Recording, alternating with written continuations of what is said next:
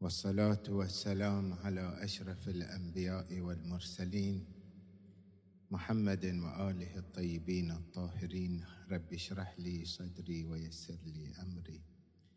واحلل عقدة من لساني يفقه قولي. اللهم وفقنا للعلم والعمل الصالح واجعل أعمالنا خالصة لوجهك الكريم. عن مولى الموحدين عليه أفضل الصلاة والسلام أنه قال العلم حياة صدق مولانا أمير المؤمنين عليه السلام.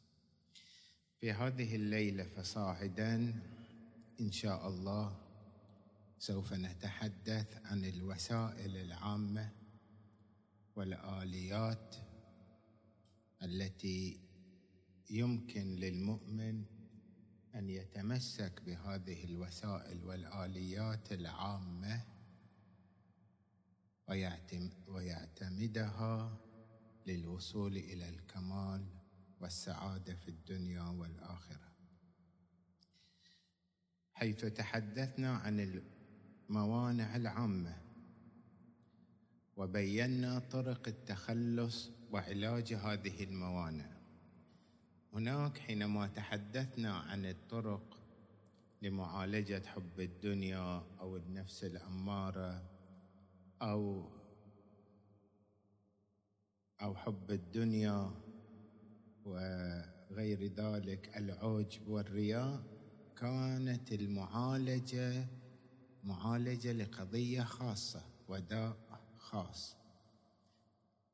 نحتاج أيضا عليكم نحتاج أيضا علاوة على معرفة الطرق الخاصة أن نعتمد طرقا عامة كلما ازداد الإنسان بهذه الوسائل معرفة وتمسك استطاع أن يرفع الموانع بقوة ويزداد كمالا فوق كماله فيسهل عليه أن يصل إلى كماله المنشود في دار الدنيا والآخرة. أول هذه الوسائل العامة طلب العلم. حتى نبين أهمية طلب العلم أذكر لكم قصة كما هو المعتاد. في يوم من الأيام بينما الرسول مع أصحابه إذ أقبل رجل من البادية. فقال يا رسول الله أنا من أهل البادية يعني مو في المدينة بجوارك ومو كل يوم أقدر أجي وأطلب العلم منك ولا أقدر أحول منزلي إلى المدينة. أنا حياتي في البادية. أريد أن تعلمني شيئا من القرآن أهتدي من خلاله. وأوجز ولا تطنب. ابغي باختصار شديد. فتلا عليه قوله تعالى فمن يعمل مثقال ذرة خيرا ومن يعمل مثقال ذرة شرا يرى آيتين. قال كفاني يا رسول الله. هذا يكفي. وانصرف من عند رسول الله وأصحابه. مجرد ما انصرف قال النبي الأعظم في حقه صلى الله عليه وآله انصرف هذا الرجل وهو فقيه. آيتين. مدحه النبي قائلا انصرف هذا الرجل فقيها. يعني شنو فقيه؟ يعني بصير في الدين. بآيتين. هذا يدل على صفائه ويدل أيضا على أن هذا الرجل أراد أن يرتب الأثر كل الأثر على كل أعماله صغيرة وكبيرة لا يستخف بشيء منها ويحاسب على كل ذره من الشر لأن ذلك محسوب وسوف يرى أثره. وسوف يعمل بكل عمل حقير كان أو عظيم إذا كان في مرضاه الله. لماذا؟ لأن الباري سوف يحاسبنا بالمثاقيل فمن يعمل مثقال ذرة؟ ولهذا عبر عنه النبي الأكرم انصرف هذا الرجل فقيها. وأي وصف وممن من سيد البشر. أنا وأنت أيها الكريم إذا مرجع من المراجع مثلا السيد القائد السيد السيستاني يتكلم قدامي أو من وراي يقول فلان صاحب بصيرة فلان فقيه. إيش قد أرتاح. ها؟ بعد ما يشيلني الأرض. الآن هذيلا وين؟ ونبي البشر باب علم الله الذي مكشوف له بواطن الأمور حينما يمدح رجل ويقول رجع فقيها. يكشف أن هذا واقع الرجل. هذا يؤلمنا. إحنا كم مرة قرأنا هاي الآية؟ في أحد من هاي الوجوه الطيبة مو حافظ هذه الآية؟ لكن كم رتبنا الأثر المنشود على هاتين الآيتين بحيث أكون على حذر في أصغر نقطة وموقف وإن كان حقير ولكن يسقط. وكم أنا حذر على أن أعمل بالصالحات وإن كان يسيرا أو حقيرا في نظر الناس. لا أترك مستحب لأنه يجوز تركه. ولا أهمل الواجبات ولا المحرم. هذا يؤلمنا أننا نتعلم ونحفظ ولكن المشكلة عندنا نحن أهل الإيمان ثلاث مشاكل رئيسيه لا نتعلم وإذا تعلمنا لا نعمل. والمشكلة الثالثة مو بس لا نتعلم ولا نعمل ولا ننشر العلم. أي جهاد التبيين الذي أمرنا السيد الولي لأن وسائل الإعلام الشيطانية ترويج للمنكر والفساد ومشاهير السفاهة أخذوا العالم الافتراضي وأهل الإيمان لا يقومون بوظيفتهم. لا يتعلم ولا يعلم ولا يعمل ولا يرتب الأثر في نشر العلم. من هنا من خلال هذه النقطة نعلم أهمية العلم وكيف لها له دور في إسعاد الإنسان. والنبي الأعظم من خلال تعليم هذا الرجل الإعرابي إيه ضمن له الجنة. وأعلى مراتب الجنة حينما يوصفه بأنه رجع فقيها. الفقهاء والعظماء في وين؟ في الجنة لو في أعلى مراتب الجنة. ها؟ والواصف سيد البشر. من هنا نعرف فضل وأهمية العلم. إلا أن العلم هذا الذي هو مورد حديثنا في هذا في هذه الليلة على نحوين. علم في اللسان وعلم في القلب. والعلم الذي في اللسان حجة على العباد. قد الإنسان يهتم بحفظ المعلومات ويقرأ كتب ولكن نصيبه من العلم حقير ضعيف. يكون هذا العلم حسر عليه يوم القيامة لأنه سوف يرى غيره يعلم ويعمل وهو كان يعلم ولكن لم يعمل فيعيش الحسرة والندامه يوم القيامة لأنه لم يسعد نفسه ولم يرتقي بالعلم الذي هو نور. ليس العلم بكثرة التعلم ولكن العلم نور يقذفه الله في قلب من يشاء. من يشاء مو اعتباطا. من كانت غايته في طلب العلم وحضور مجالس العلم من الخطابة ومحافل العلمية أن يستنير ويعمل بما تعلم هذا من يأخذه الله بيده ورعايته ويصير هذا العلم نورا في قلبه وينشرح هذا النور من قلبه على جوارحه وجوارحه. وإلا أصل العلم إن كانت الغاية شيطانية فيكون لا سمح الله.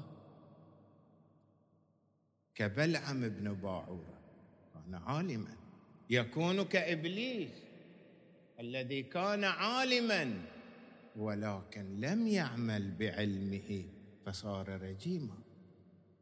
مثله بالتعبير القرآني من يعلم ولا يستفيد من علمه كمثل الحمار يحمل اسفارا الحمار حينما يحمل عليه أثقال من الكتب يبقى حمارا.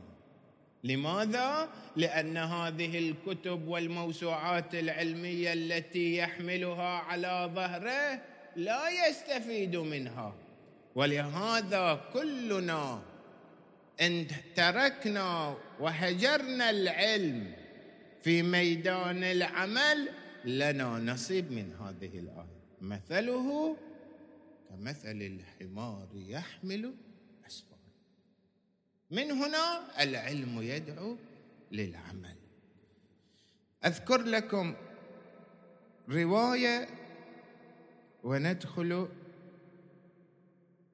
في بيان أهمية وفضل العلم. هذا جانب من خطورة ترك العلم.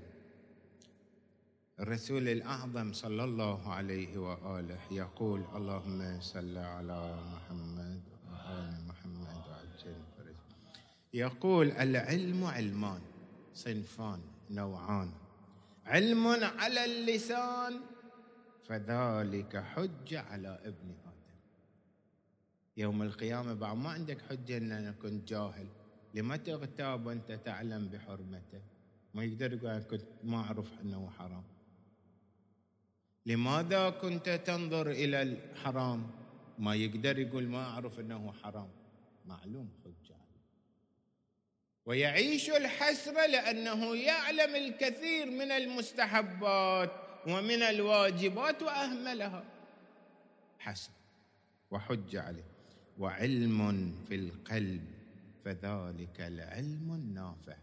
القلب إشارة إلى اعتقاد. حقيقي بهذه المعلومات تصدقه الجوارح بالعمل الصالح. بعد رواية تبركا. ترى أخواني مو بس العلماء عليهم حسرة. أنا وأنت أبغى أوصل إلى هاي النقطة. أنا وأنت عندنا معلومات. ولا نرتب الأثر. هذه حجة علينا. ووبال في الدنيا والآخرة. كل بحسب علمه. لاحظوا الروايات. النبي الأكرم صلى الله عليه وآله. كل علم وبال على صاحبه. كل علم. انت عندك معلومات؟ أنا عندي معلومات؟ هذه وبال علي وعليك.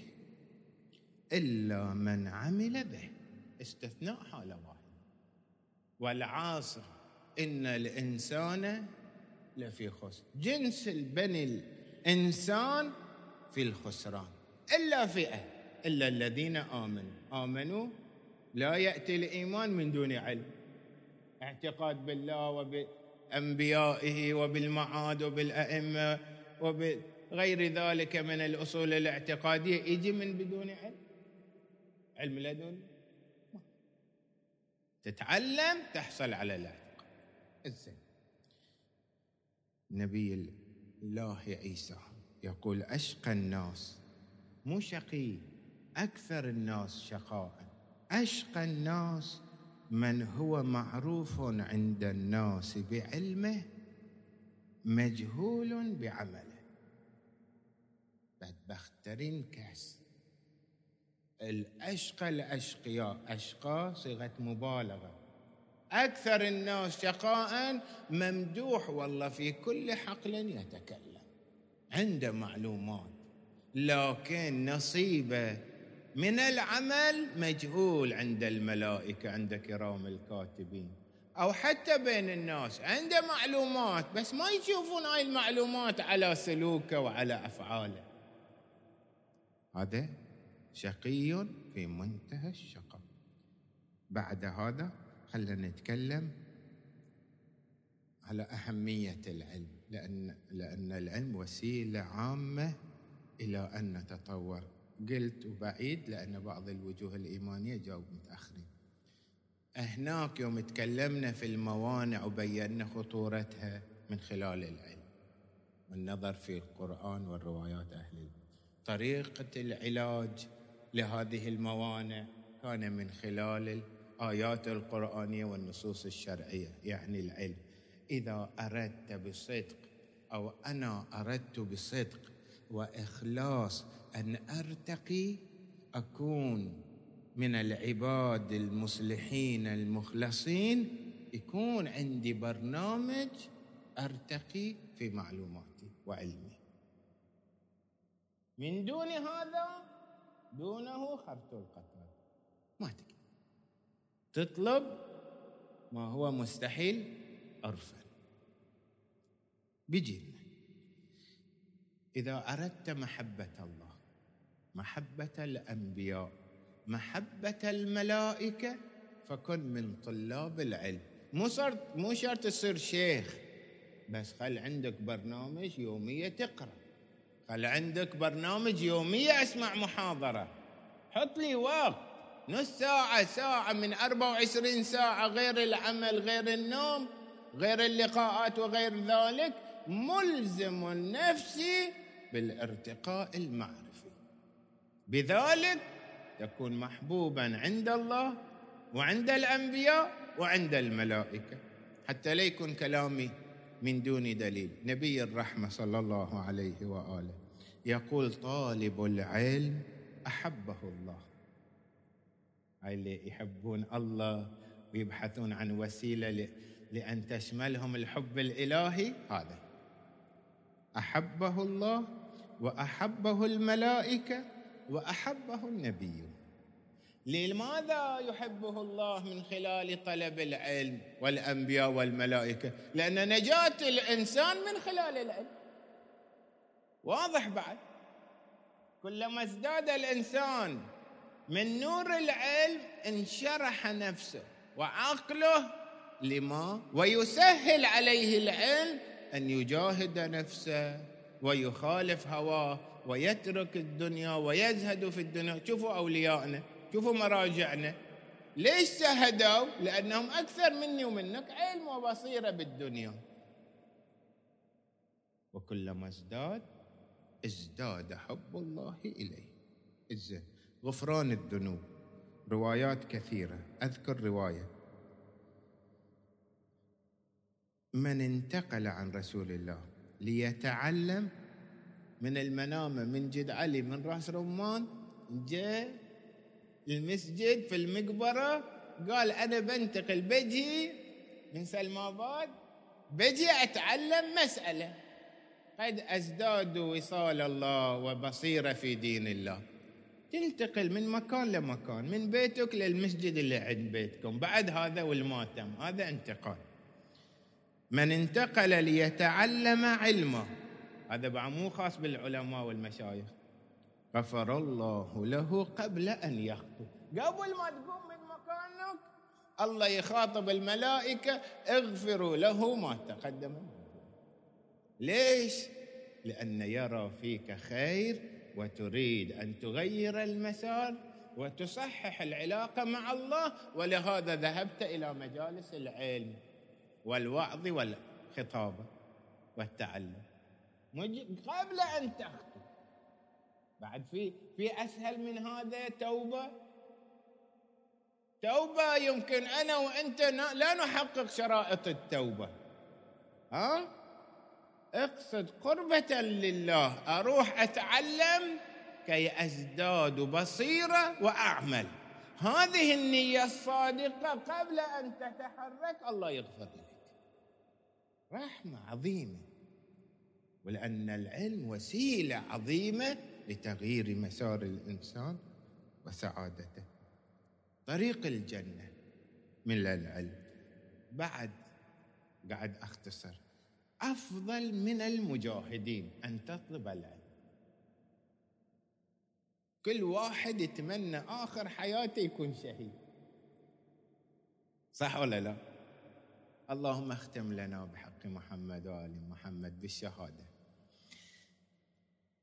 النبي الأكرم صلى الله عليه وسلم طالب العلم أفضل عند الله من المجاهدين والمرابطين والحجاج والعمار عمار البيت والمعتكفين والمجاورين أي للبيت الحرام. إذا واحد قال أنا طول عمري بجاور بيت الله الحرام. تتعلم تحصل ثواب أكثر من ذلين كلهم. ليش؟ لأن المجاهد لا يرغب في الجهاد ولا يحب الشهادة إلا بعد أن يتبين له فضل الجهاد والاستشهاد فيرغب في الجهاد يعني تعلم. فالعلم هو الذي يجعل من الإنسان يرغب في الشهادة يرغب في الاعتكاف يرغب في تطوير ذاته ودفع الرذائل والصفات الذميمة من نفسه كله من خلال العلم. ولهذا كل الفضائل مرهونة بالعلم. فيكون العلم أفضل من كل هذه المقام. نعم. العلم نور. لكن أنا وإنت لازم العلم شمعة. لازم نستفيد من هذه الشمعة صح. في واحد يخليه قدامه فيضيء له طريق الظلمات وكلما خطى خطوات أنار له الطريق الذي أمامه. أما إذا كان مكانه لا ينور إلا هذا المكان. أما إذا واحد خلاه وراء ظهره يستفيد من الشمعة في الظلمات أو تحت رجليه؟ أنا وأنت إذا خلينا النور نور العلم طريقه طريق لكي أتعلم وأعمل ثق بالله الذي تعلمه إذا عملت به. الله يقذف في قلبك من نوره ومعرفته ما لم تحتج إلى معرفة. واتقوا الله ويعلمكم الله. حصل التقوى ولا تحصل التقوى من دون علم. وبذلك يعطيك الله نورا من نور جلاله يكون الإنسان صاحب بصيرة. ترى اللي وصلوا لنسمع عنهم شيخ بهجت وغيرهم من خلال العلم والعمل بما يعلمون. مو مجرد علم. صار واضح؟ إذن الآن وأخذنا الوقت كثير. شلون أرغب نفسي في العلم؟ هذا اللي جبناه كله ترغيب لتحصيل العلم. طريقة ثانية أمير المؤمنين في المستهل قلنا العلم حياة. وفي بعض الروايات قال العلم حياة وشفاء. الحين قد يجي واحد يقول العلم حياة إحنا مو أحياء. إذا تحصيل الحاصل من دون علم إحنا أحياء. لا. أنا وأنت وكل البشر عندنا حياة حيوانية وعندنا حياة ملائكية. الذي نعيشه مع سائر البشر هي حياة حيوانية. العلم يرفعك من الحياة الحيوانية إلى الحياة الملائكية وهذا مراد العلم حياة. وإلا كل إنسان كل حيوان كل طير ومنه الإنسان له غايات في الدنيا. يتزوج يجيب بيت يجيب عيال ويكون عنده سكن وغير ذلك. هذه مشتركات مع الطيور وسائر الحيوانات ولكن الكيفية غير. الجوهر واحد. حياة العلم حياة. أن تترفع من هذه الأمور. أنت لم تخلق بس تجيب أولاد يكون عندك بيت باكر تفارق الكل وتقبل على الله صفر اليدين. أن تعيش من خلال العلم وتكون إنسانا خليفة لله في الأرض. وهذا لا يتحقق من دون علم. حينما تتعلم تعرف حقارة الدنيا. وتزهد كما زهد أهل البصيرة في الدنيا. تهذب هذه النفس الأمارة وترتقي بها لكي تصل إلى النفس المطمئنة. وأوصيكم أيها الأحبة هناك كتاب قيم للسيد دستغيب حول النفس المطمئنة. اقرأوه وشوفوا الآفاق التي يستطيع الإنسان أن يصل من خلال مجاهدة نفسه وأن يخرج من عالم النفس الأمارة بالسوء إلى النفس اللوامة إلى النفس الملهمة ثم يصل إلى النفس المطمئنة. يا أيتها النفس المطمئنة ارجعي إلى ربك راضية مرضية. هناك هذا العالم الجليل شهيد الإسلام يبين لك هذا. من خلال العلم تستطيع أن تكون إنسانا. ولهذا العلم حياة. وسيلة الثانية أو الثالثة أو أكتفي بهذا المقدار. أخذنا الوقت. هني أرى من الواجب اخلاقا ونحن في نهاية الكلمة أن أحث الأخوة الكرام على الأمر الذي بينته في مقدمة الحديث. لا تكن مقصرا في العلم ولا في العمل به ولا في نشر العلم. إحنا ترى في صراع بين معسكر الحق معسكر الإسلام الأصيل مع معسكر الشيطان في صراع إلى قيام الساعة. لابد أن تتعلم وأن تعمل وأن تروج للعلم. وتفنن في ترويج العلم. يجيك فيديو لطيف مقطع من دقيقتين من خمس. أنا أنا يلفت نظري هذا وعندي جماعة من المؤمنين وأنتم بعد إذا وصلكم فيديو طرشوا لي بعد أستفيد منه. يكتب ساعات على الفيديو وهو يرسله. شوفوا فن التأثير. فيديو جميل أو عميق أو مفيد. يخليني أسمعه هذه ما أمس. أنت بهذا الأسلوب والفن تستطيع أن تروج العلم وتؤصل مفاهيم الإسلام. مو عالم مو صاحب منبر مو معمم ما ينحصر ترويج العلم بأن تصعد المنبر. كن مروجا للدين الخطب والمحاضرات والتعليمات التي تصلك. إيجابية مفيدة انشرها.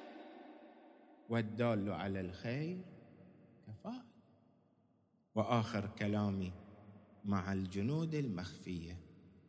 أهل الإعلام في العالم الإسلامي وفي هذا المسجد المبارك. الجنود الذين يعملون بكل جد واجتهاد من دون أن يذكروا لا باسم لا بصورة لا برسم ولا باسم هؤلاء أشكرهم من باب الواجب الاخلاقي والوظيفة الشرعية. وأقول لهم هنيئا لكم وهنيئا لكم هذا التوفيق العظيم. فإن لكم عند الله منزله عظيمه لا يعرفها أمثالي.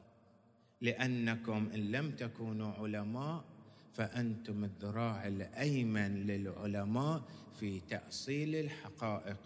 أنا مثلا وأمثالي قد يلقي في محضر فيه خمسين ومائه ومائتين لكن من خلالكم تصل الكلمة إلى الآلاف وأنت شريك العلماء في هذا العمل.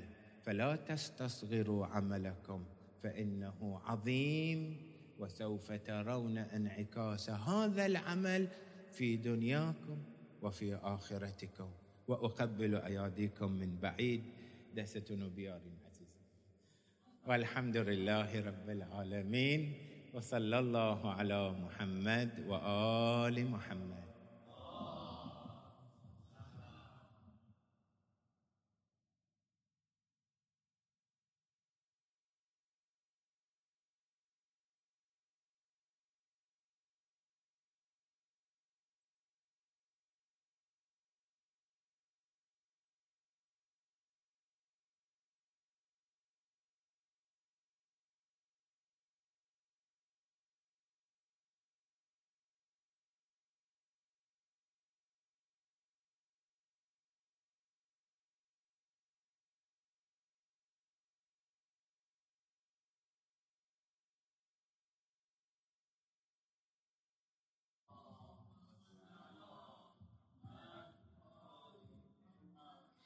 ثانية على حب مولاتي فاطمة الزهراء بأعلى أصواتكم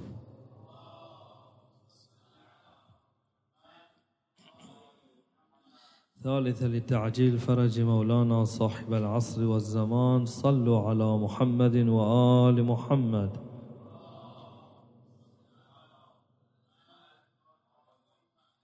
إلى أرواح جميع المؤمنين والمؤمنات والشهداء والعلماء أموات هذا الجمع. لا سيما السيد أمير المستوي رحم الله من أهدى ثواب سورة الفاتحة.